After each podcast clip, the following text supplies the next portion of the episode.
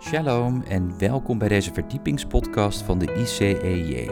Mijn naam is Joshua Beukers en samen met Jacob Keegstra gaan wij weer een verdieping zoeken van de Hebreeuwse wortels van ons christelijk geloof. In aflevering 226 gaan wij het hebben over een Torah-lezing. Kom en ga naar de farao. Mozes moest in opdracht van God naar de farao gaan. Soms moeten wij ook lastige dingen doen. Maar met God zijn wij overwinnaars. U hoort er meer over in deze aflevering. Veel luisterplezier.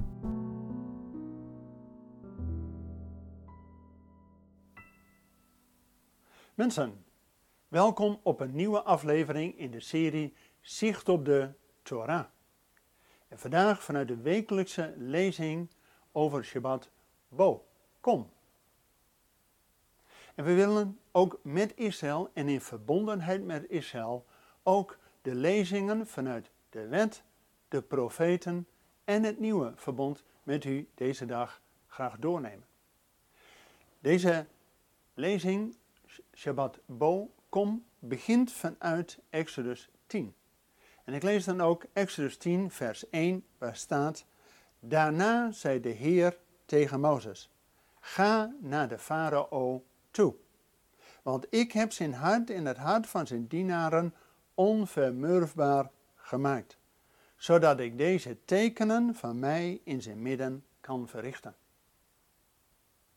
Juist al dat eerste woord bo, in het Nederlands kom, is direct de eerste aankondiging van deze hele gedeelte van de Torah, maar geeft ook direct al het thema aan. Want Mozes, ja, we weten zijn verhaal, geboren vanuit Israël, door de dochter van de farao opgevoed. Maar toen hij volwassen werd en omzeg naar het lot van zijn volk, wou hij dat in eigen kracht doen. Maar dat resulteerde dat hij ging vluchten en jarenlang de kudde van zijn schoonvader Jethro leidde. Eigenlijk was hij een schaap buiten de kudde van het volk Israël. Vandaar dat God eerst Mozes weer moet herstellen. Dat er weer een relatie komt tussen Mozes en God.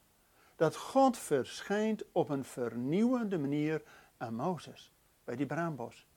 En dan pas kan Mozes in de bediening gesteld worden om naar Israël te gaan en in dit gedeelte ook naar de farao, de machtigste man ter wereld.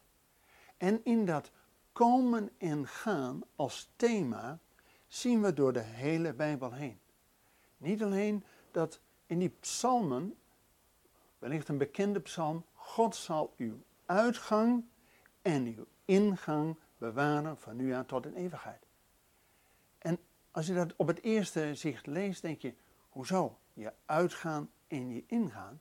Daarin is het heel goed om te bedenken welke positie heb je. Juist dat je in die relatie met God staat en vanuit het huis van God dan uitgaat de wereld in en weer terugkomt om op verhaal te komen. Weer bemoedigd te worden. Weer de kracht van Gods geest mogen ervaren. En dat lezen we niet in het, alleen in het eerste verbond, ook in het Nieuwe Testament. Wanneer Jezus zijn discipelen roept roept hij ze eerst tot hem. Volg mij. Dat ze eerst een relatie met de Messias mogen ervaren. Dan pas zendt Jezus hen twee aan twee uit. En na afloop van hun bediening zegt hij: Kom en rust weer een weinig. Dus dat thema van komen en gaan zien we door de hele Bijbel heen. En hier bij Mozes dat hij eerst de naam van God mag leren. Zoals God eerst aan Abraham zich bekend maakte als de Almachtige, de Schepper van hemel en aarde. Nu in de voortgaande openbaring dat God zich bekend maakt aan Mozes als ik ben die ik ben. En als Mozes die naam leert, dat God erbij is, dat God ook een bevrijdende God zal zijn, dan pas wordt hij gesteld om tot die farao te gaan. Alleen, en dat is het tweede onderdeel in deze Torah-lezing, dat God iets gaat doen. Toen ging God iets doen als tekenen voor de wereld. De machtigste man ter wereld toen was de farao. En God doet, ja, plagen naar Egypte en tekenen van zijn almacht aan het volk van God. Dus iedere keer die twee kanten van de medaille, plagen voor de wereld en bescherming tekenen voor zijn volk. En dat zien we niet alleen in de Torah-lezing van vandaag uit Exodus 10. Dat zien we ook in de profetenlezing. Diezelfde tweedeling waarin we lezen uit Jeremia, de profeet Jeremia, waar staat in hoofdstuk 46, vers 25. De Heere van de legermachten, de God van Israël, zegt. Zie, ik ga Amon, de God van No, de farao, Egypte en zijn goden en zijn koningen straffen. Ja, ik straf de farao en wie op hem vertrouwen. Dat zijn die tekenen, die plagen over Egypte, over de wereld. En dan aan de andere kant lezen we direct het volgende vers, Jeremia 46, vers 27. U dan, wees niet bevreesd, mijn dienaar Jacob, wees niet ontsteld, Israël. Want zie, ik ga u verlossen uit verre landen, uw nageslacht uit het land van hun gevangenschap. Jacob zal terugkeren, rust hebben en zonder zorgen zijn. En niemand zal hem schrik aanjagen. Een geweldige profetische boodschap waarin die twee kanten van de medaille bij elkaar zitten. Oordeel over de volkeren, maar heerlijkheid, terugkeer, alia voor zijn volk Israël. En als we dat ook doortrekken naar het nieuwe verbond, zien we ook tekenen die God doet. Alleen zien we wel naar de juiste plaats. Ik wil met u een kleine test doen. Om te kijken waar we op gefocust zijn. Wat onze achtergrond is. En dat is mijn vraag: over wie heb ik het hier? Hij is beloofd door een engel. Hij is door goddelijk ingrijpen geboren. Hij is uit Egypte geroepen. Heeft veel geleden tot bloedens toe. Heeft onder de Romeinen geleden. Zijn erfgenamen zijn vervolgd. En na drie dagen opwekking. Over wie heb ik het hier? Ik denk dat velen het over de Messias, over Jezus hebben. En dat is goed. Alleen, dit gaat in eerste instantie over het volk Israël. Maar kijk, aan wie is het beloofd door een engel? Aan Abraham. Door goddelijk ingrijpen geboren was door Sarah. En Israël is uit Egypte geroepen. Heeft veel geleden. Zelfs onder de Romeinen geleden. Hun erfgenamen, hun opvolgers, zijn vervolgd. Maar na drie dagen ook weer opgewekt. Dat lezen we in Hosea 6. Dus we kijken wel eens te veel verticaal naar de Messias. Zonder dat we de tekenen hier horizontaal over het volk van Israël niet goed zien. En als we die lijn ook vandaag de dag doortrekken vanuit het profetische gedeelte van Jeremia, dan zien we dat in de wereld er een hoop aan de hand is. Corona en lockdown en weet ik het wat. En wellicht is dat al een begin van de oordelen die we ook in openbaring lezen. En aan de andere kant, ondanks lockdown, dat God dat profetische woord, wat niet alleen in Jeremia 36 staat, maar ook in Jeremia 31, hoor, heidenvolken, hij die Israël verstrooid heeft, zal het bijeenbrengen en het hoeden zoals een hen haar kuikens doet. Dus ondanks corona, ondanks lockdown, dat God toch zijn volk terugbrengt. En wij als christelijke ambassade hebben het voorrecht om met dat, ja, die alia, die terugkeer van Israël, ja, mee te mogen helpen in het profetische plan van God.